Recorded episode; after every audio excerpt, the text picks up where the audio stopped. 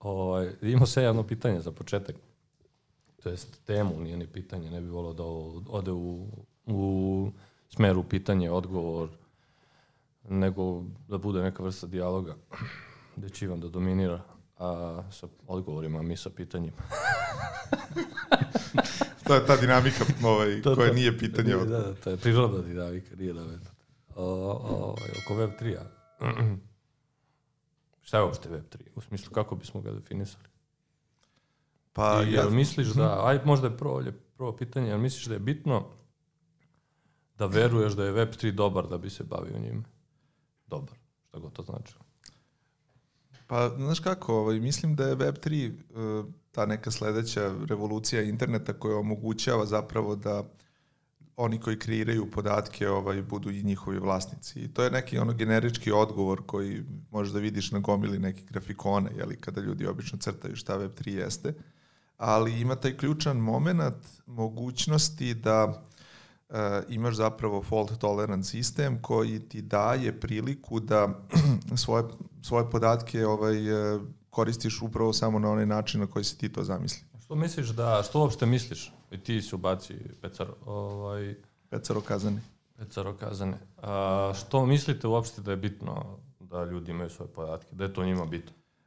Pa ja mislim da nije čak ni bitno više da li, da li je ljudima bitno, nego da jednostavno idemo ka tome da, da je svet toliko globalan, da je razmena podataka postala toliko jednostavna, da je jako teško verovati bilo kom izvoru, poda, ono, izvoru informacija. Bilo da je to vest, bilo da je to um, kako da kažem, bilo da je to ono informacija o vašem novcu, od vlasništvu na nečim, da li je taj neko stvarno taj ko, kako se predstavlja i tako dalje i tako dalje.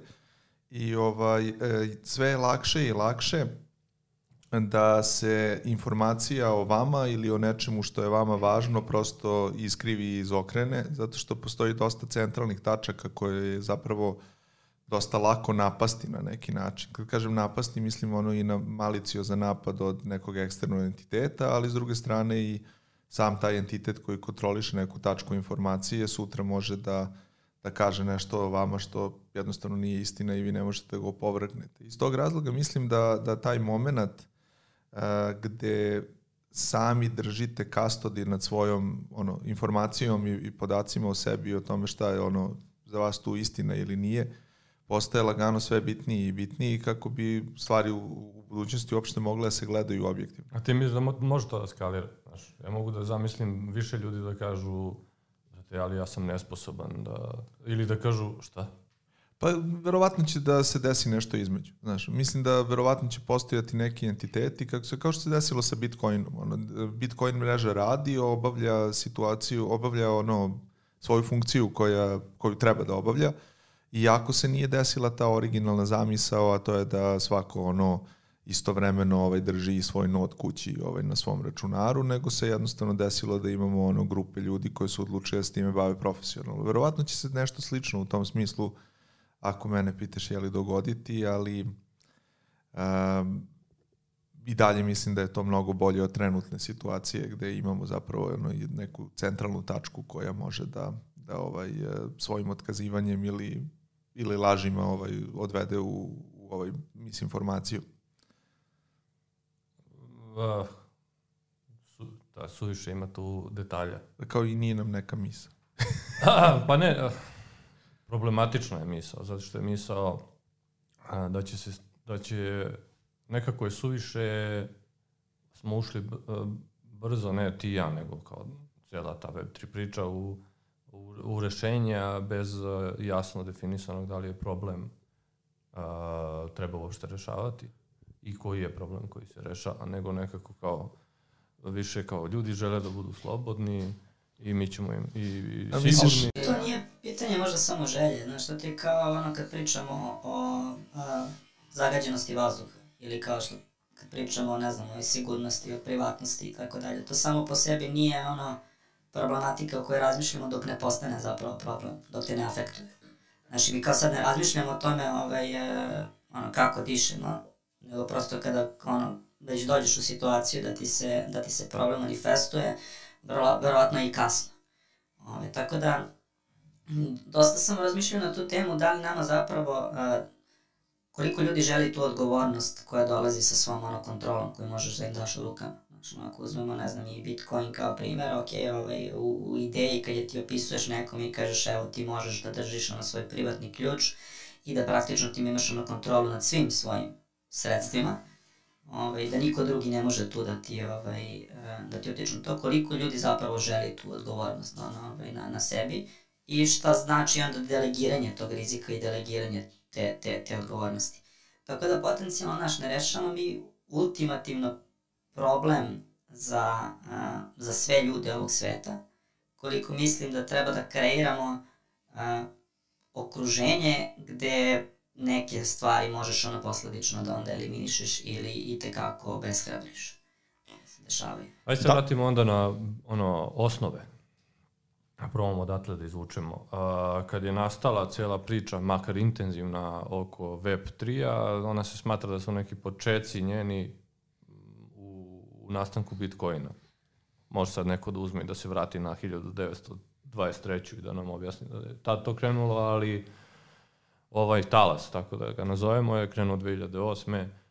Uh, nominalni uzrok za to je svetska ekonomska kriza, ali pre toga je postao su neki eforti da bi nastao Bitcoin white paper i slično tome. Uh, I on je nastao kao neka antiteza trenutnog sistema, uh, gde su bile, znači, centralizacija novca, malverzacije novcem i slične stvari, teze neke koje je teo da opovrgne sam Bitcoin tako što bi imao antiteze toga, to je vlasništvo nad parama koje nije reprezentativno nego je realno, a, voleo je privatnost i anonimnost, da li je ispunio tad nije, ali je to bio duh toga, znači to je bila isto teza, znači neka samo uh, suverenost i privatnost su dominirale tada kao teze i to je nešto što je početak talas i to se do dan danas drži kao neke osnovne premise, odnosno teze Web3-a. Par ključnih su jel, te vrednosti decentralizacija, suverenitet, privatnost i anonimnost. Ovaj, da, da ih ne razlažem sve, ima ih još nekoliko. I u tom smislu To su u suštini vrednosti koje su nastale na toj tehnologiji, a, to jest razlozi zašto ona postoji i pretpostavio bih da je u duhu toga ako nastane neka slična tehnologija koja ispunjava iste vrednosti, niko nije imao ništa protiv toga. A, jednom rečju nastaje blockchain. Um, e, postavlja se onda pitanje, a, ti možeš da definišeš Web3 na različite načine, možeš kroz, evo, rekli smo sad, vrednostni sistem i da kažeš Web3 je definicija, Web3 definicija se na vrednosti način definiše, odnosno pojam se definiše na vrednosti način. Problem koji ja imam lično sa tim je, je, je jeste to što odjedno možeš da dodaješ nove vrednosti koje mogu za mene biti možda neprihvatljive, a za drugog uh, su must. I, I lako je proširiva definicija. A, I sad se onda suštini možeš da nalaziš na druge načine kako se to kako se definiše i jedan od načina je kroz tehnički pristup. E, blok, šta bi bilo najbliže tome, recimo da bi to bile kriptovalute. Od, o, u suštini Web3 je politički korektan naziv za kriptoekonomiju, a, kao što je nekad bio to blockchain. Nisi mogu da, ne znam, na svetskom ekonomskom forumu pričaš o kriptovalutama, ali mogu si da pričaš o blockchainu. Slično i danas na gomili mesta da bi izbegao reč kriptovalute, reći ćeš Web3. Deluje mi da je... E, mogu samo da te pitam, da li, da li ono, podločiš znak jednakosti između ono, onda Web3-a i kriptovaluta ili ga vidiš kao podskup? Pa znaš kako, ono, kad nastane nešto kao sinonim ili zamena za određenu reč, ona vremenom posle može da i menja značenje pa da više nisu iste. Meni se čini da je tražena određena reč koja će biti zamenska za kripto, cryptocurrency. Ovaj, I onda je to bio blockchain, imaš recimo Antonopolosov, jedan poznat uh, rent uh, predavanje o tome da ne, nema nikakvog smisla pričati o blockchainu nego o bitcoinu, na primjer. Mislim zato što je on bitcoinaš, ali i da je to samo razvodnjavanje uh, priče da bude politički korektno. Mislim da se slično dešava i sa Web3-em, ovaj, da je to samo naziv uh, da bi se nastao koji je inženjerski bliži i o, o, širi, a, a pokušava da zaobiđe pominjanje kriptovaluta. Možda ne iz loših razloga, nemam pojma, ali iz razloga koji su kao ajde da se ne ograničimo samo na Web3. A razlog zašto sam o tome razmišljao je uh, imaš niz projekata pre Bitcoina i to, kao što smo rekli, koji su bili imali vrednost privatnosti, decentralizacije, suverenosti, ali ovaj nekako se ne smatraju pripadnikom Web3-a i obično uh, naš jezik je čudan tako, uh, i, i ono ljudsko ponašanje je čudno, pa možeš iz, uh, iz neke kulture da iščitavaš neke stvari. Onda obično kad je neko iz tih projekata ubacivo kriptovalutu, on je odjednom pripadao Web3 projektu. I onda su bili u fazonu, on je špe, iz špekulativnih razloga, možda često negativno su ga osmatrali, ali do tada iz nekog razloga nije bio pripadnik Web3. On nije mogao da dođe i kaže, ili ono, tako da, a, da kaže, e, ja, vidite, radim isto ovo, baš sam car, oni bi rekli, pš, nisi nam zanimljiv, znaš. O, e, tako mi deluje, tako da, a, tvorac Web3 pojma je Gavin Wood, po mom po znanju, i on je, nije ni čudno što je on to smislio, on, ono, on je hardcore inženjer čovjek koji je tražio drugačije nazive da a, za, za pojam koji nije, je širio od blockchaina, ali nije, nisu kriptovalute, nije smatrao da je sve u tokenu, nego je još negde. Ali at the end mislim da se stvar svodi na kriptoekonomiju kao glavni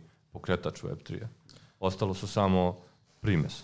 Pa da, mislim da imaš e, dosta veliki problem sa cijelom tom Web3, blockchain i, i kripto pričom, što postoji više izraza uh, koji označavaju zapravo slične ili srodne tehnologije, a ni po čemu nisu isti i možda ne, ne zastupaju, kako da kažem, ni iste vrednosti, niti zapravo tehnološki rade na isti način, niti nude isti stepen privatnosti, decentralizacije, bezbednosti, ali se zovu istim imenom. Znaš, e, to je recimo meni dosta veliki problem i sa uh, ovim permissioned versus permissionless blockchainovima, gde u suštini imaš uh, sa jedne strane prave decentralizovane distribuirane sisteme koji obično ne mogu da rade bez nekakve kriptovalute zato što im je potrebna interna ekonomija jer su u potpunosti decentralizovani, e, distribuirani i ne zavise od third partija, pa samim tim moraju da imaju svoj ono sistem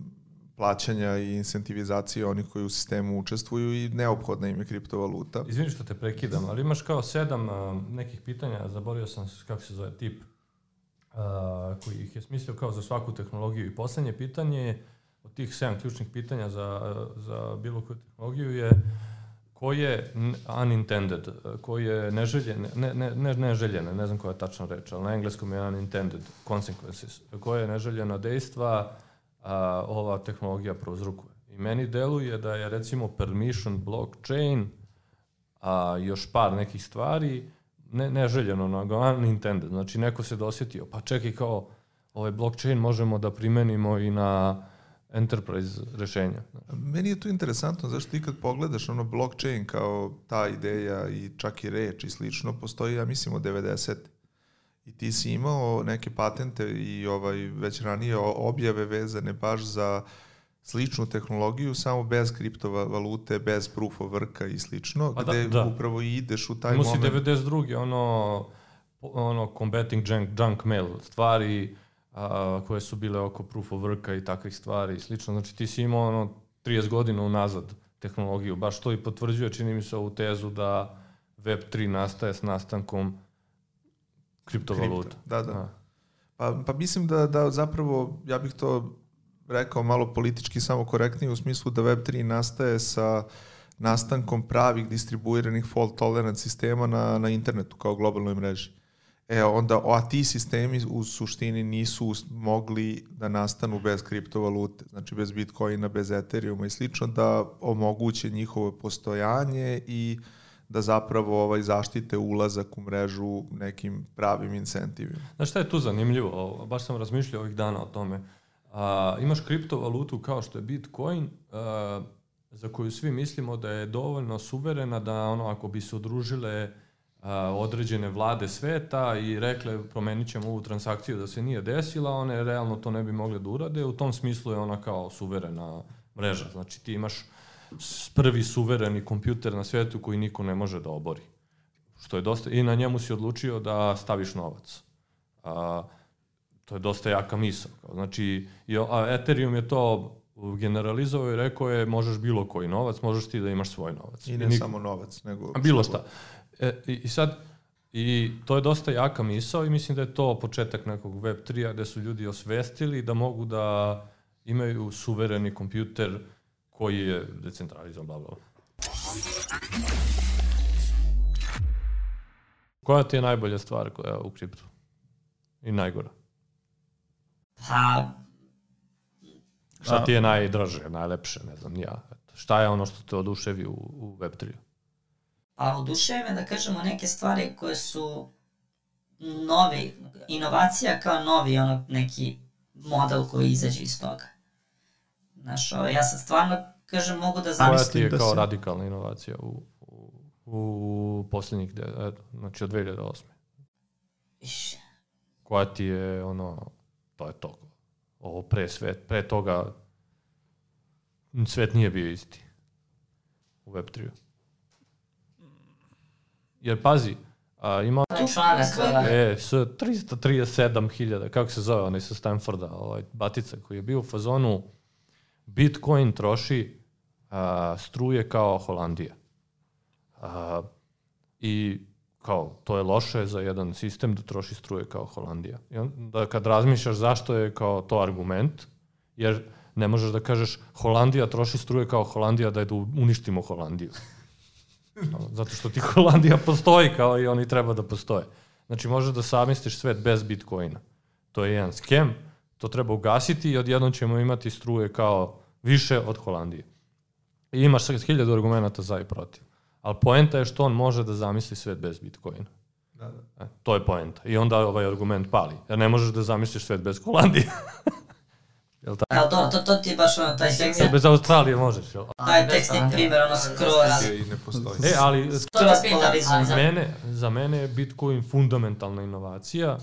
A, Smart contract. Revolucionarna inovacija. A, da, oni su ekstrapolacija Bitcoin je smišljao neke. Na početku Vitalik hteo da napravi Bitcoin script fazon, pa je Gavin Wood malo to promenio.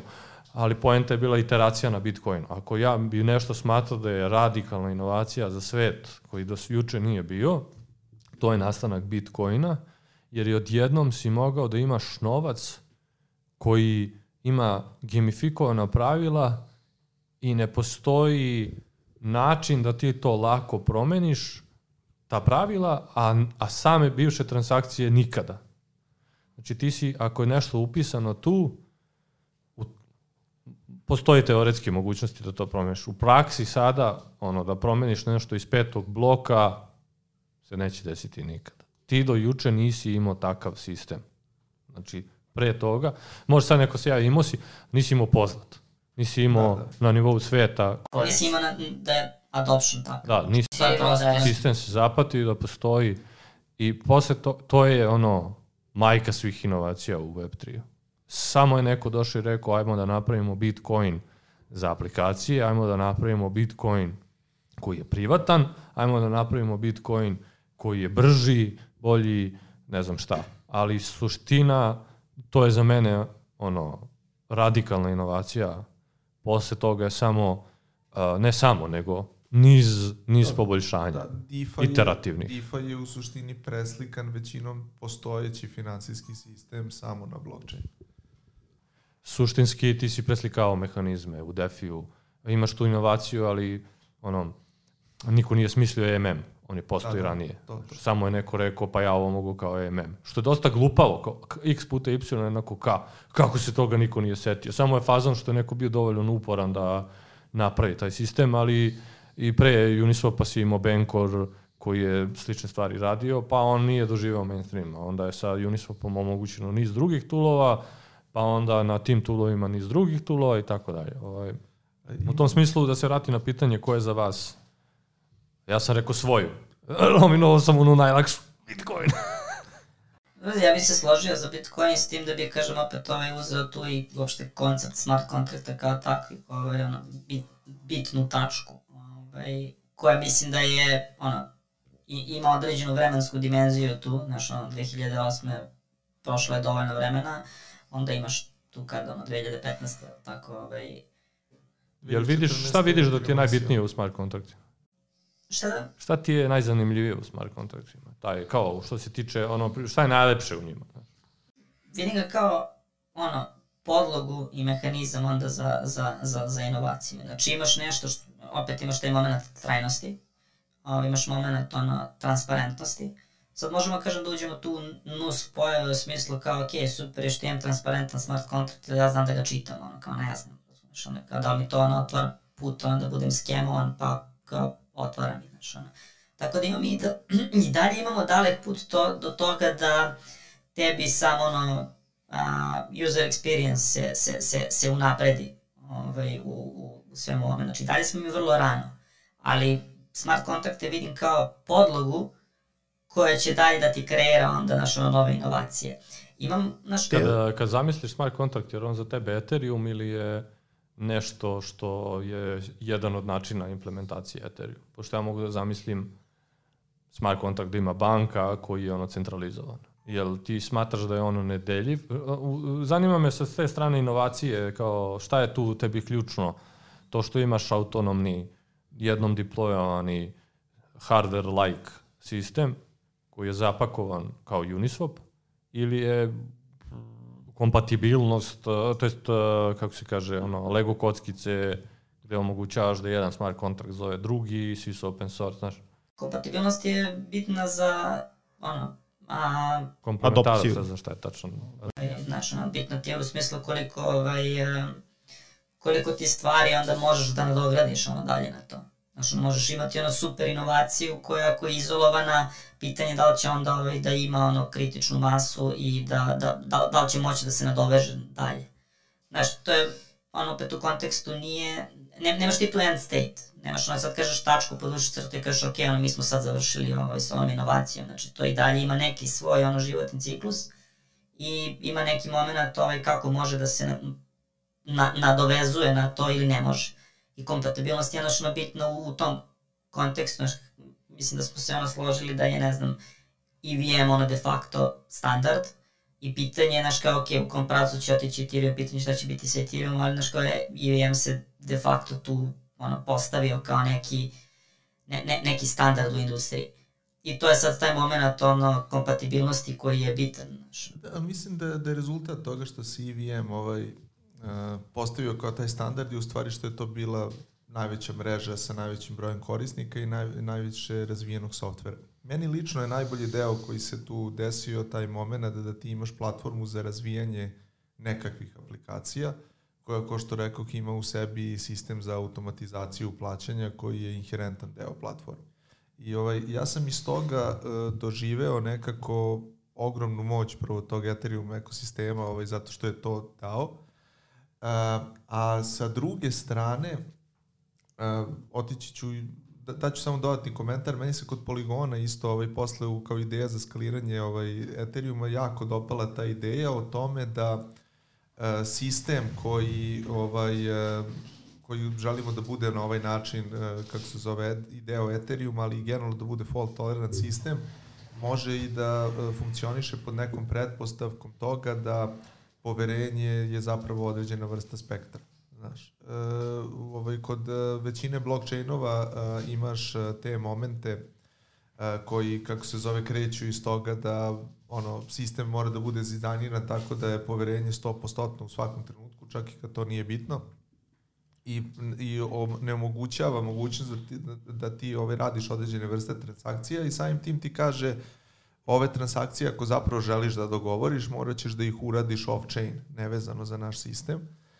I ja lično, ono, znači ta misao koja je krenula sa Bitcoinom, oko, kako se zove, distribuiranog sistema sa sobstvenom ekonomijom, zatim mogućnost da taj uh, sistem ovaj, prebaciš u nešto što nije samo digitalni novac, nego bilo kakva aplikacija koja ima u sebi sistem plaćanja i ta mogućnost E, izlaska u paralelne sisteme koji su zaštićeni bilo ZK-em, bilo kao, kao Layer 2, koji imaju ono među sobom određene vrste spektara ovaj poverenja. To su po meni ono neka tri ključna trenutka kako sam ih ja doživeo u razvoju svega toga. Da li ti misliš da sad, pošto smo pomenjali smart kontrakte, o, za najveći broj chainova, odnosno ovih EVM compatible chainova, što znači da mogu da se u zapravo uh, smart kontraktima programira ta neka Ethereum virtualna mašina, što znači da su to neki smart kontrakti opšte namene koji mogu da podrže ono, opšte aplikacije, tako kažem, ne samo finansijske. Da li misliš da za neko ko bi želeo da, da uđe u Web3 svet bilo najbolje da, da nauči Solidity kao svoj prvi jezik, jer bi njime mogao zapravo da postane smart contract developer, jel? Da, sigurno, zato što to kao prvo najviše kontenta ima za učenje, ubedljivo, znači ako napišete smart contract, znači, ja mislim od 100 članaka 99 će biti za Solidity, tako da to je sigurno s te strane kao najlakše će se Solidity naučiti. S druge strane, kao količina EVM chainova, to je EVM compatible chainova, to je Ethereum Virtual Machine chainova, uh, će zapravo imati i Solidity i kao odnos tih chainova u odnosu na ostale chainove je kao ogroman i samim tim ima i više opportunity više pozicija, više mnogo na, i s druge strane načina da se zapravo napravi nešto. Jer sam uh, Ethereum ekosistem ima, kao što ima ono, normalan Ethereum, sad polako imamo neke zapravo ZK, L2 chainovi ili optimistic chainovi i tako dalje, koji zapravo komuniciraju međusobno. Tako, tako da je i nivo kompleksnosti za razvoj dosta veći, tako da ima još puno da se zapravo razvija smart kontrakte i aplikacije i svih stvari koje, koje još uvek ono kao treba da se naprave. Tako da dosta smo još uvek early, ja bih rekao. E, super. A, dobro, Solidity nije jedan jedini jezik za, za programiranje smart kontrakta, odnosno pametnih ugovora. Da li bi možda pomenuo još neke koje postoje za tu namenu i da li misliš uopšte da ih ima smisla učiti, aj tako postavim pitanje, ukoliko, ne znam, baš ne programiraš nešto za taj chain ili ne radiš baš na tom projektu gde je taj jezik možda neophodan. Jasno. Uh, sad, mislim, isto na, na EVM-u ima i Viper. Sad, specifičnost kod Vipera jeste što su um, opkodovi, to jest mogućnost da se zapravo piše neki assembly, performantnije i performantnije jezik, ali opet ima manje kontrakata koji su u tom jeziku pisani, generalno dosta manje stvari, tako da ukoliko ono, neka, neki moj feeling da će biti mnogo lakše Solidity, a sad drugi chainovi imaju, da kažemo, druge virtualne mašine i samim tim druge jezike. Čini mi se da uh, Cosmos ima Ink, uh, um, Polygon šta beš ima... Um, Polygon mislim da može isto na Solidity. Bar onaj... Uh, Polygon EVM, da, da, da. Ali um, generalni... Uh, kako se zove, Polkadot i oni imaju isto da, neki, Polkadot kas, neki je, da. custom. Solana ima Rust.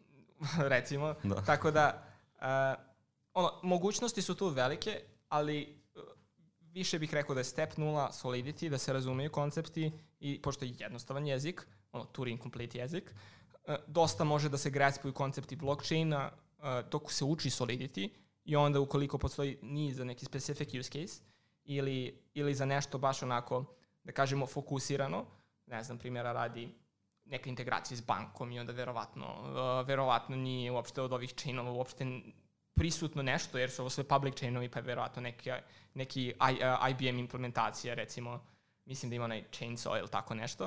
Uh, I onda taj trenutak kao verovatno ima mnogo više smisla, ali sad sve zavisi, kao, ali i dalje i taj trenutak Solidity je verovatno kao najbolji first step. Da, da, razumem. Pa mislim da je generalno i ljudima koji su ne mora čak nužno ni iz dva, web 2 sveta, generalno se bavili programiranjem čega god dosta lako da nauče Solidity, baš zbog toga što si rekao Turing Complete je jezik, ono, dosta je sličan under the hood na ovaj, C-u ili C++-u, rekao bih, iako sintaksno ima neki JavaScript, one brekete i tako dalje. Sve je to ono napravljeno da bi ljudima bilo što lakše da ga nauče. E, sad sam ja rekao u uvodu da neke 2016. 17. godine za programiranje Solidity je postao eto taj Remix ID koji si ti pomenuo u prvom odgovoru, što je in-browser okruženje za pisanje pametnih ugovora, tako da na bilo kakvoj mašini može da se u teoriji programira uh, Solidity zato što je dovoljno samo da postoji browser sa dovoljno dobrom internet konekcijom i malo ono memorije da to sve pogura.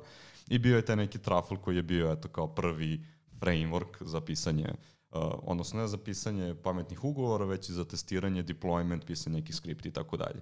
Space je od tada narastao, pomenuli smo Hardhat, postoje još neki, po mojim informacijama, frameworks, ja ću ih sad navesti, a ti ako sam zaboravio neki ili se ne slažeš, slobodno me ispravi, ali ja to, tu je taj Truffle, koji je, mo, mislim, vraćaju se ove godine s nekim novim featureima, ali manje više se i ne koristi u ozbiljnim production ready aplikacijama, gde se testovi skripte pišu u JavaScriptu. Pa postoji Hardhead koji je puno bolji, nadgradnja sve, sve ono što ne valja u Trufflu je Hardhead jeste, gde mogu da se pišu testovi, skripte i u JavaScriptu, ali i u TypeScriptu, što ja mislim da je veoma bitno. Onda postoji Brownie gde je ista priča, ali je sve u Pythonu, tako da ljudima kojima je ono Python prvi jezik uh, biraju Brownie, plus Brownie onako i Viper friendly, opet uh, jezik koji si pomenuo. Viper je takođe EVM compatible jezik, samo što je sintaksno dosta sličan Pythonu i imate neke decimalne brojeve. Do, dosta sličan i Sintaks, da, da. da. to. I na kraju se evo sad pojavilo i nešto što se zove DevTools, pa je to malo evolviralo u nešto što se sada zove Foundry, odnosno Foundry je nastao sa idejom da testovi treba da se pišu u istom jeziku kojim pišeš i, i sam kontrakt, dakle testovi se pišu u Solidity-u i ono što se meni kod njih dosta dopada što ima onaj built-in fuzzer, ali to je malo naprednija tema pa možemo kasnije, Ali evo naveo sam dakle Harhet kao ono broj 1, onda Brownie, uh, Foundry i tu su negde DevTools i, i Truffle i Remix ID koji je ID nije, nije framework, ali ima ono neke build-in pluginove. Da li sam možda nešto zaboravio i koji bi ti ono preporučio ljudima? E, prvo, prvo da ti odgovorim na pitanje za neke dodatne, tipa sad, uh, prvo je, ima op, OpenZeppelin SDK isto, uh, koji je ono više, da kažemo, security focused, kad i taj trenutak ima mnogo više te kontrole u, u samom frameworku. A s druge strane, uh, uh, Foundry, uh, mislim, taj koncept pisanja testova u zapravo uh, jeziku koji je nakucan, uh, to je, mislim, bilo i pre i u Truffle, kao mogli su da se pišu testovi i mislim i Truffle da ima opciju da može da se ranuju ti testovi. Uh, mislim, ono, što bi se rekao, vadim informacije onako ono, tri godine Od unazad.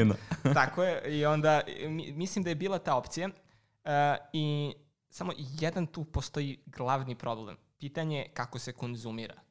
I to kako se konzumira s third party nivoa, to potencijalno nema smisla. Jer uh, unit testovi da, jer testiramo neku logiku, ali opet, unit testovi su tu da se ne bi uh, promenila neka logika to jest ono kao sprečava da se napravi greška pri razvoju kontrakta. Ali kao kontrakti kao koncept su teško deployable, moramo da imamo paterne, proksije i tako dalje, taj trenutak da ne možemo da ga promenimo lako i onda vrlo verovatno kao promene se neće dešavati toliko često u nekoj logici koja je već deployovana, možda u nekim promenama, ali ja mislim od unit testa mora da postoji mnogo kompleksniji nivo testiranja funkcionalnosti. Uh, ne samo ono unit integration, to su, da kažemo, ono, ja kad mislim ono sad već industry standard za Solidity, već i neki trenutak malo integration testinga na nivou konzumiranja, to je neki QA testing, stagings i tako dalje, i tako dalje, što dosta postaje kompleksnije kod to sve radite na mainnetu, jer kao im nemate nikakav podatak. Uh, e, ali sada da se vratim na ovo. Uh, tako da, mm, ti razvojem još uvek i pisanje testova, mislim da je uglavnom the best best practice in, uh, integration u ono, JS, TypeScript, Brownie, nebitno, to je ono, Python, uh, jer želimo da ga konzumiramo. Isto spomenu si jednu jako interesantnu stvar, a to je uh, uh, Fuzzy Finder.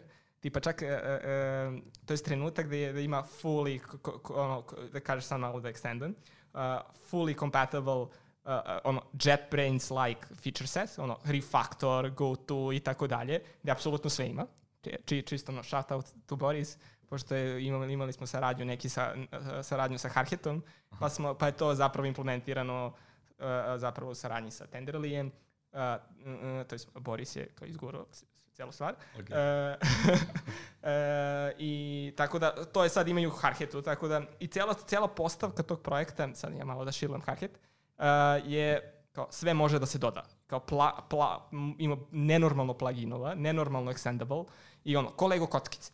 Kao, aha, treba mi ovo, stavit ću ovo, treba mi ovo, stavit ću ovo. Hoću da napravim nešto treće, napravim treće, ubacim i tako dalje. I onda, aha, ovo je korisno, publishovat ću i, i kao, ne znam, ljudi iz uh, Nomika, to jest Fra, uh, Franko i Patricio, uh, kao, dobro, ovo ima smisla, kao, zašto ovo ne bi ubacili kao, kao validan plugin da ljudi mogu da instaliraju. I oni to urede.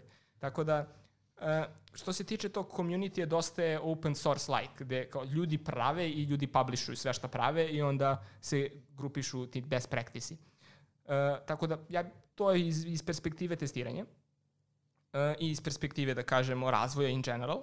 E sad, što se tiče uh, ovog daljeg testiranja, testiranja koji sam spomenuo, uh, jako je nezgodno sada već da se testira uh, neki, neki malo veći projekti.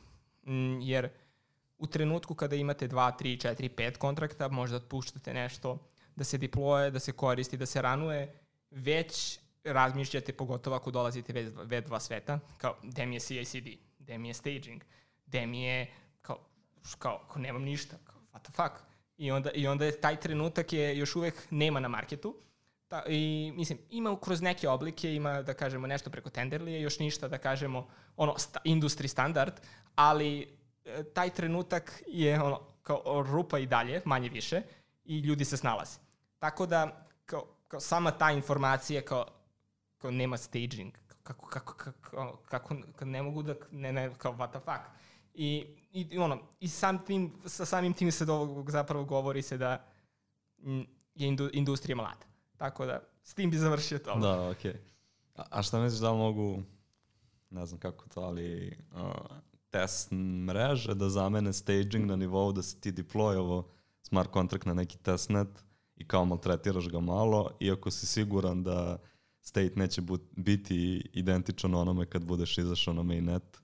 Kako tu testiraš stvari? E, e, sad je to problem, jer ako recimo sad imaginarni case, ali ja, ja koristim neki uh, Uniswap ili neki DeFi ili u najgoru ruku Chainlink, kao hoću da izvučem podatke o nekom, nek, nekom price tokena, da bi uradio neke kalkulacije, nebitno.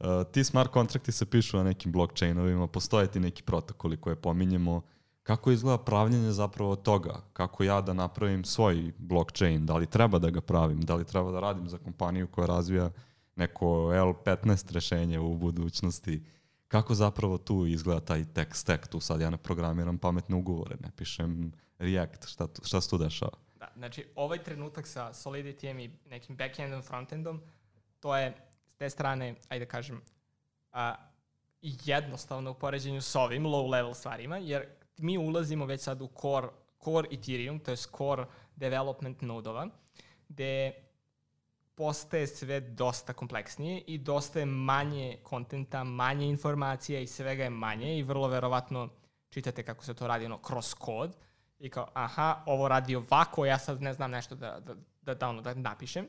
E sad, prvo pitanje koje si onako da kažemo izolo, iz, izolo spomenuo jeste zašto bi se to nekome, neko bavio time, koji je interes, a, pr prva stvar jeste, super, mi želimo da imamo ogroman, ogromnu količinu L2 chainova. Želimo da sutra imamo L3 chainove, da imamo specific chainove za određene kompanije ili određene zapravo uh, use case-e. Jednostavno, ti chainovi moraju da budu napisani u nekim specifičnim nodovima. To jest, moraju da imaju specific code koji će zapravo biti optimizovan za te stvari. Ne znamo, sutra, sutra gaming, banka, uh, ne znam, tipa bilo koja druga industrija koja zapravo ima i potrebu će vrlo verovatno ići u tom smeru da piše svoje nodove, svoje dedicated nodove i onda ulazimo, ok, kao što si rekao već, kako se oni pišu.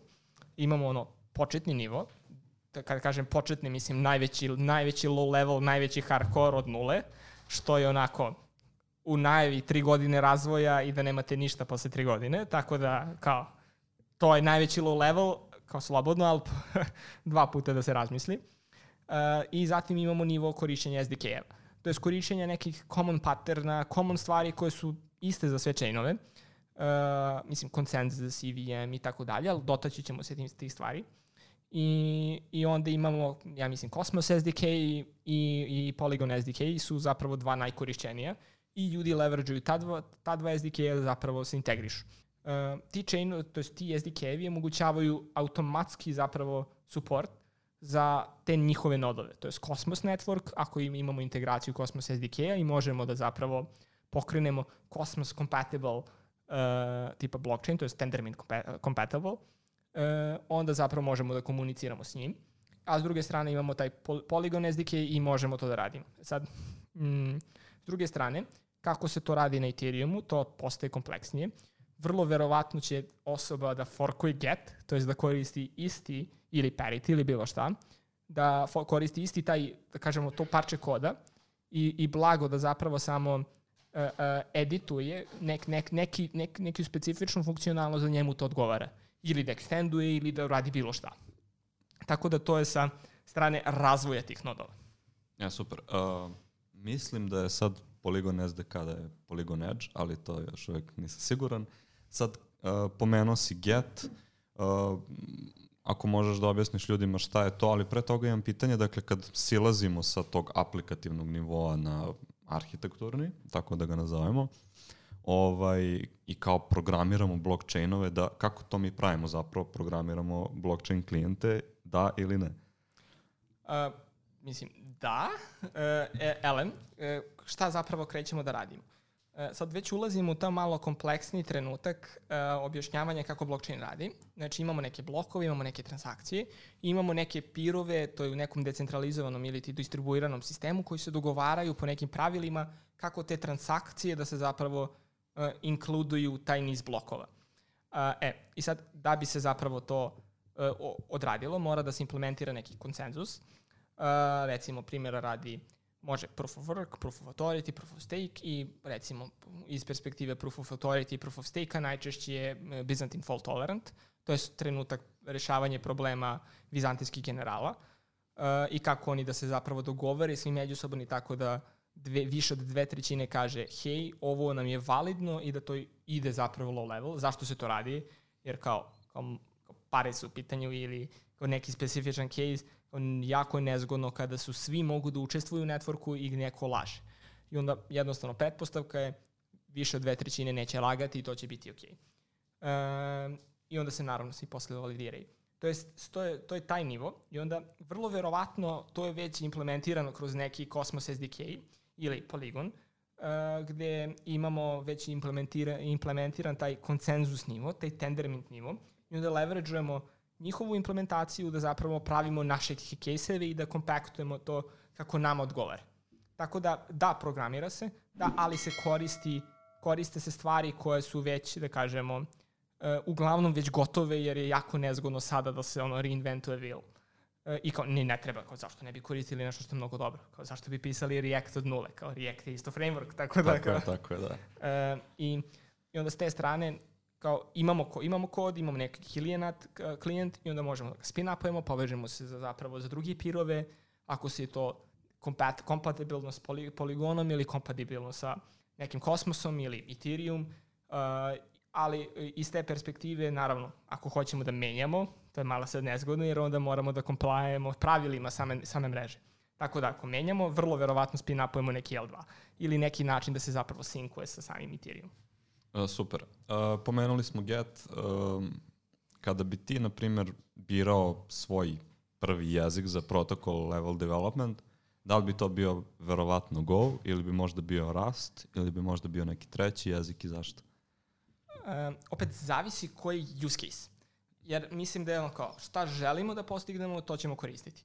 Ako hoćemo da radimo na Ethereumu ili Polygonu, verovatno ćemo koristiti Go ako hoćemo na, na Polkadotu, vero, to je neverovatno nekako malte ne moramo da koristimo Rust, tako da je više ono choose your opponent i onda mislim to je to. Zavisi šta pravimo i to ćemo koristiti. Tako cool. da, Uh, mislim, u principu, ja znam da postoje neki blockchain klijenti tipa pisani u C Sharpu i tako dalje. Može to da se ono, pokrene na nekim drugim jezicima, ali ovi su kao najbolji za tu primjenu, baš to što si rekao. A, svakako mega zanimljiva stvar. Znači u suštini coin koji je bio šesti po market capu što se tiče Lune i još stable coin koji je bio isto negde, da kažemo, prvih 20. Ukupan market cap ova, ova dva tokena je bio nešto ispod 100 milijardi, što su ono nezamislive cifre, je bukvalno u nekom periodu od par dana, nekad to i 7 dana, je bukvalno otišlo skoro u nulu. Tako da i nama u firmi to bilo interesantno da popričamo, da vidimo šta se tu desilo. Pratili smo usput, videli smo da je ljudima to ovaj, dosta zanimljiva tema. Uh, pa ajde, hteli smo i zbog toga da, da se okupimo danas. Uh, u suštini, uh, kako smo mi to videli, pa onda možemo i da, da vidimo kako, ko je vaše bio ugao gledanja. Uh, u pitanju je UST koji je algo stablecoin, znači algoritam je taj koji određuje ovaj, kako će se desiti taj peg između UST-a i dolara u ovom slučaju. Inače, Terra imala u svom sistemu i drugi ovaj, stablecoinove, jedan vezan za koreansku valutu, jedan za mongolijsku, kog sam ja ispratio. Ovaj, ali ovo je svakako bio najveći po, po obimu. I negde u jednom trenutku je krenulo da se dešava deep peg, to jeste da kad kažemo deep peg mislimo na to da, da vrednost odlazi, odlazi od dolara. Ovaj, to je naravno kao i sve u kripto svetu ispraćeno sa gomilu tweetova, gomilu ovaj, reakcija. I onda se krenuli, krenula je Tera da povlači poteze kako, kako da vrati, kako će to da rešava. Mislim, pošto je sam algoritamski stablecoin, ima mehanizam unutar sistema koji kroz vrednost lune omogućava da je menjaš 1 dolar lune za 1 dolar UST-a, ali ovaj, onda smo videli kako se to brani sa nekim drugim sredstvima, sa nekim drugim alatima. Pa ajde sad da, da, da ne prolazim ja sve šta se desilo, nego da vidimo Uh, aj, mene zanima ovako prvo, kad ste prvi put saznali šta se dešava sa Ludom, to je konkretno sa UST-em, jeste mislili da će da vrati PEG ili ste odmah bili u fazonu, to je to, krenuo je DPEG i odlazi u, u zaborav? Koji vam je bio prvi, prvi utisak? Evo možeš ti, Aleks. Uh, pa na početku sam mislio da će da se vrati iz prostog razloga što nije to prvi put da neki stablecoin gubi peg. Dešavalo se i Tetheru koji je najjači stablecoin da gubi peg uh, u par navrata na po dan 2, 3 ispuštao se na 0,9 otprilike koliko se ja sećam, mislim da nije išao niže, ako jeste nije išao mnogo niže. Tako da u prvom trenutku je delovalo da je to već viđeno i da nema baš toliko razloga za paniku, ali kako je to krenulo dalje da ide na dole, prosto nije bilo prijatno i u jednom trenutku svima bilo jasno da, da su stvari otišle dođavola i definitivno kao što si ti rekao, s obzirom na veličinu tog koina, na njegov market cap, definitivno veliki šok i za celo tržište. Po meni je ovo na nekoj moj rang listi top, top 3 šok u, u kripto svetu. Prvi mi je bio naravno hack MTGOX-a koji je, koji je bio ono, naj, najveći hak ikada. Drugi mi je bio DAO hack i treće mi je ovo sad, tako da su to po meni tri nekako naj, uh, na kažem najbolnija događaja u kriptu do sada i definitivno e, ne baš prijatan trenutak jer e, dugoročno je poljuljao mislim poverenje u stablecoine kao takve, a pogotovo u te koji su algoritamski, dakle koji nemaju kolateral, koji ih, koji ih negde brani od gubitka vrednosti, tako da vidjet ćemo sad kako ćemo se oporavljati od toga, ali prosto i tajming je bio loš, generalno je celo tržište bilo već u kanalu, pre svega zbog, zbog makroekonomskih faktora, dakle ne mislim da se išta posebno na kripto tržište dešavalo posljednjih meseci što je bilo loše i što je gurlo stvari u lošem smeru, ali znaš, kad vidiš da pada, ne znam, Facebook izgubi 40% od početka godine, Aha. PayPal 60%, Netflix 70%, prosto ceo svet negde je u velikoj panici uh, oko toga šta će se desiti. Imali smo dve godine skoro gde je ekonomija žrtvovana zarad zdravlja, u nekim situacijama je vjerojatno i previše. I taman kad je to došlo na naplatu, krene i rat da dodatno doli ulje na vatru, tako da generalno ni kripto tržište nije ostalo imuno na to, barem da, za da. sada. Nekad je bilo totalno uh, bez ikakve, bez ikakve korelacije sa bilo čim drugim, to kripto tržište, ali kad su krenuli da ulaze veliki investitori, baš mislim početkom, početkom pandemije, negde je bilo neminovno da, da se neki nivo korelacije napravi, jer kada isti investitori ulažu recimo u IT kompanije i u kripto, Michael Saylor je recimo tu najbolji primer koji je brdo Bitcoina kupio, a s druge strane je čovek iz IT-a koji, investirao i tu dosta, onda neka korelacija se neminovno javi i baš sam gledao nedavno grafikon gde se vidi da je do pandemije otprilike korelacija Bitcoina i Nasdaka bila skoro nula mm -hmm. proseku i onda od pandemije konstantno u plusu. Tako da očigledno da smo se tu malo vezali za, za globalna tržišta i da kripto više nije totalna alternativa svemu drugom. Naravno da će dugoročno on imati neki svoj tok, ali ovako kad su neki kratkoročni potresi izgleda da ne može da se da se odlepi od nekih trendova na, na većim tržištima. Mićo. Pa da, kao što je Alex rekao, ovaj, neminovno je bilo da će kripto tržište postati sve više i više korelisano sa ovim a, tehnološkim tržištem. To je nus pojava adopcije. Znači što vam više dolazi institucionalnih investitora, a, neminovno je da će oni svoja pravila ponašanja i načine na koje funkcionišu primenjivati na novu vrstu aktive. Što se tiče same e, tere, i ja sam kao što i Alex rekao u prvom trenutku mislio da ovo je, ovo je kriza a, trenutna koja će biti prevaziđena. Tera je već dva puta imala prošle godine u maju problem, u januaru je takođe imala problem, ali ova puta je uspela da ga prevaziđe. Međutim, u retrospektivi sada kada se pogledaju podaci i kada se vidi šta se zaista desilo, vidi da se da to nije moglo da se izbegne, jer nije ovo slučajno i samo od sebe se desilo da a, tera dolar a, izgubi svoj peg, jer je to bila jedna kako dobro planirana i, i, i precizno odrađena aktivnost koja se a, desila. Da, ne, ne, nešto regulisati i sprovesti tu regulaciju u praksi su dve različite stvari. Tako Evo. Kina je zabranila kripto, a koliko sam ja nešto u posljednje vreme pročitao i video, a, oni su i dalje druga sila kad je rudarenje Bitcoin u pitanju na svetu, posle Amerike, i, i dalje su drugi po broju Bitcoin transakcija. Da, da. Jer prosto, ako za nečim postoji dovoljno velika potražnja, ljudi će se snaći. Uh, super primer mi je droga.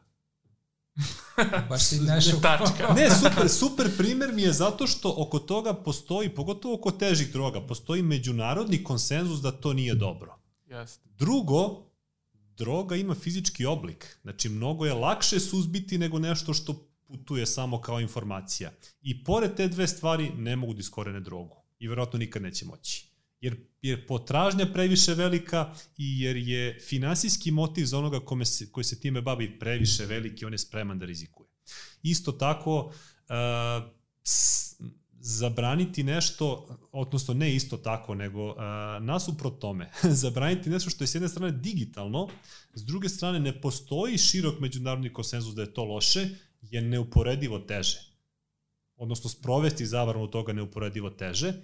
E sad, što se tiče regulative i stablecoinova, da, stablecoini su najveći trn u oku sigurno centralnim bankama zato što im se mešaju u posao odnosno veća je šansa, kao što sam rekao, da se stablecoini koriste za svakodnevno plaćanje nego da se koristi Ethereum ili Bitcoin ili nešto treće jer prosto su ljudi navikli da, da izražavaju cenu u dolarima.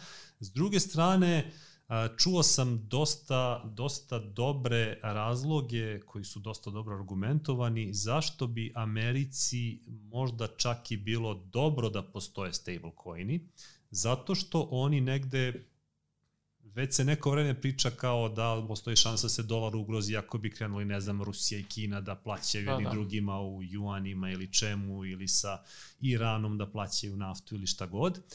Uh, stable coin koji je vezan za dolar, negde uh, potencijalno produžava dominaciju dolara kao najjače svetske fiat valute. Jer i dalje sve merimo u dolarima, čak i u kripto svetu koji polako raste i polako krene da preplavljuje sve drugo i dalje zadržavamo dolar i onda Amerikanci to negde iz toga crpe svoju moć, ali svakako da će crpeti samo ako ako ga ako taj taj segment industrije regulišu na način koji koji njima donosi više benefita nego nego štete. Jer za razliku od nekih drugih valuta kao što su recimo dinar ili ne znam forinta ili valute neke manje države koje se ne koristi globalno, a, dolar a, za dolar inače Banka federalnih rezervi pojma nema koliko ih ima u svetu. Ne, ali ozbiljno, zato što ti dođeš u, recimo, dođeš u banku u Londonu, deponuješ tamo, ne znam, eure ili funte i kažu, ne znam, daj mi, daj mi hiljadu dolara kredita ili daj mi, hoću da razmenim i banke širom sveta štancuju dolare ni iz čega praktično, odnosno samo upišu klijentu da ima sad 1000 dolara i ne postoji ne postoji objedinjeni sistem praćenja toga. I ovaj slušao sam jedan podcast na tu temu ko hoće ko hoće da da o tome malo čuje Jeff Snyder se zove lik, čovek koji decenima pro, proučava taj euro-dolar sistem. Slušao sam jedno 10 sati materijala, tel, glava je htela da mi pukne koliko sam novih informacija čuo i koliko ono, menjaju neku percepciju toga šta se dešava u svetu. Počevo toga, on, on tvrdi konkretno da Banka federalnih rezervi apsolutno nema kontrolu nad dolarom jer ne zna gde se sve dolari nalaze, u kom iznosu, pogotovo kad napustiš Ameriku. Da, da, da. postoje te praktično neke crne rupe gde ti, ne znam, dođe Indijac, otvori račun u Londonu gde sad koristi neke dolare, što niti je regulisano od strane Feda jer se dešava van Amerike, niti je regulisano od strane Engleske, jer M koristi dolare koji nisu engleska valuta, M je čovek Indija, znači nije Engles. I onda to što neki, uh, to neki prazan prostor gde se svašta nešto dešava, što mnogo liči na stablecoin, gde isto nemaju kontrolu da ih Pa da, generiše da, ko da, hoće i pravi ko hoće. Tako da, um, svašta tu zanimljivo ima. Što se tiče konkretno regulative, ona, ko što ti Miroljub rekao, često ume da bude kontraproduktivna, odnosno često nije dobra i pravi više štete nego koristi. Uh, ja se negde nadam da, da nam jednog dana u ovoj našoj oblasti regulativa neće biti ni potrebna, ali preći iz tržišta koje je vrlo strogo regulisano, što je finansijsko tržište, uh, preko noću jedno potpuno regulisano finansijsko tržište, što je, da kažem, ovako native kripto, prosto nije moguće jer ljudi ne mogu tako brzo switch u glavi da naprave, ali uh, uvek sam protiv preterane regulative jer mislim da pogotovo kad se desi ovako neki problem jer ovaki problemi ovakve probleme ne treba pokušavati po svaku cenu sprečiti u napred ko što sam rekao iz grešaka mnogo učimo. E sad M nemamo nikakvo praktično finansijsko obrazovanje po defaultu, nema ga u školama, što mislim da je veliki problem. Ja bih ekonomiju uveo kao jedan od najvažnijih predmeta u srednje škole, jer škola te sprema za život. E sad učimo, ne znam, čija je Kamerun bio kolonija ili, ili kakav je nervni sistem kišnog lista, ništa o novcu ne učimo, a novac će sigurno svima nama trebati u životu i znanje o novcu. E, kad već nismo učili kroz školovanje, pustite nas bar da naučimo kroz praksu. Nemojte da nas ono držite i ne date nam da napravimo greške i kroz to steknemo neko znanje i ostanemo večito nepismeni, nego pustite nas malo da probamo, da vidimo šta radi, šta ne radi, malo se opečemo, ali kao dete kad, kad učiš kad odrasta i treba da nauči da se snalazi u svetu, moraš da ga pustiš da padne. Zamisli da držiš dete da mu nikad ne, da, ne daš da padne. Nekad Ima ne bi razvio dece. osjećaj za ravnotežu, nikad posto, posto bi invalid praktično. Tako da Jasne. moraš da moraš da ga pustiš da pada, da se povređuje, da plače, da ga boli, da bi naučio da hoda, da trči, da igra košarku, šta god. E, kako izgleda taj proces? Znači, pošto meni, meni na primjer, je uvek taj moment sa NFT-ovima bio, pošto sam ja imam više tehnički background, uh, kad se pojavio ceo boom sa NFT-ovima, totalno sam bio zbunjen kako ljudi ocenjuju koja, koja kolekcija ima više vrednosti ili ne. Ok, neke slike su možda nekome dopad, e, dopadljivije, neke nisu, uh, ali opet očigledno je da, da se ipak ljudi negde nađu neki Da, parametar po kome, po kome to određuju. Uh, tako da, eto, čisto me zanima vi lično, ne znam koliko investirate u NFT-eve, ali eto, bar iz tog ugla, kako birate šta biste radili, koga biste ovaj, reach outovali, uh, šta to gledate u kolekciji, koje su to neke karakteristike? Pa, jedno pitanje koje se rekao je generalno ono, ono, vrijednost NFT-eva, pa ovaj, kao s jedne strane umjetnička vrijednost se, se često vidi da li je samo neki ono copy-paste ili neki jeftini derivative ono i Bored Ape imaju 800 vrsta uh, Young Ape, uh, Old Ape, uh, ne znam šta sve ne. Ovaj, uh, tako da umjetnička vrijednost je defaultno jako bitna, ali ona kao i u klasičnom art prostoru nastaje ono kroz društvenu interakciju. Ljudi daju vrednost tome svemu. Tako je, da.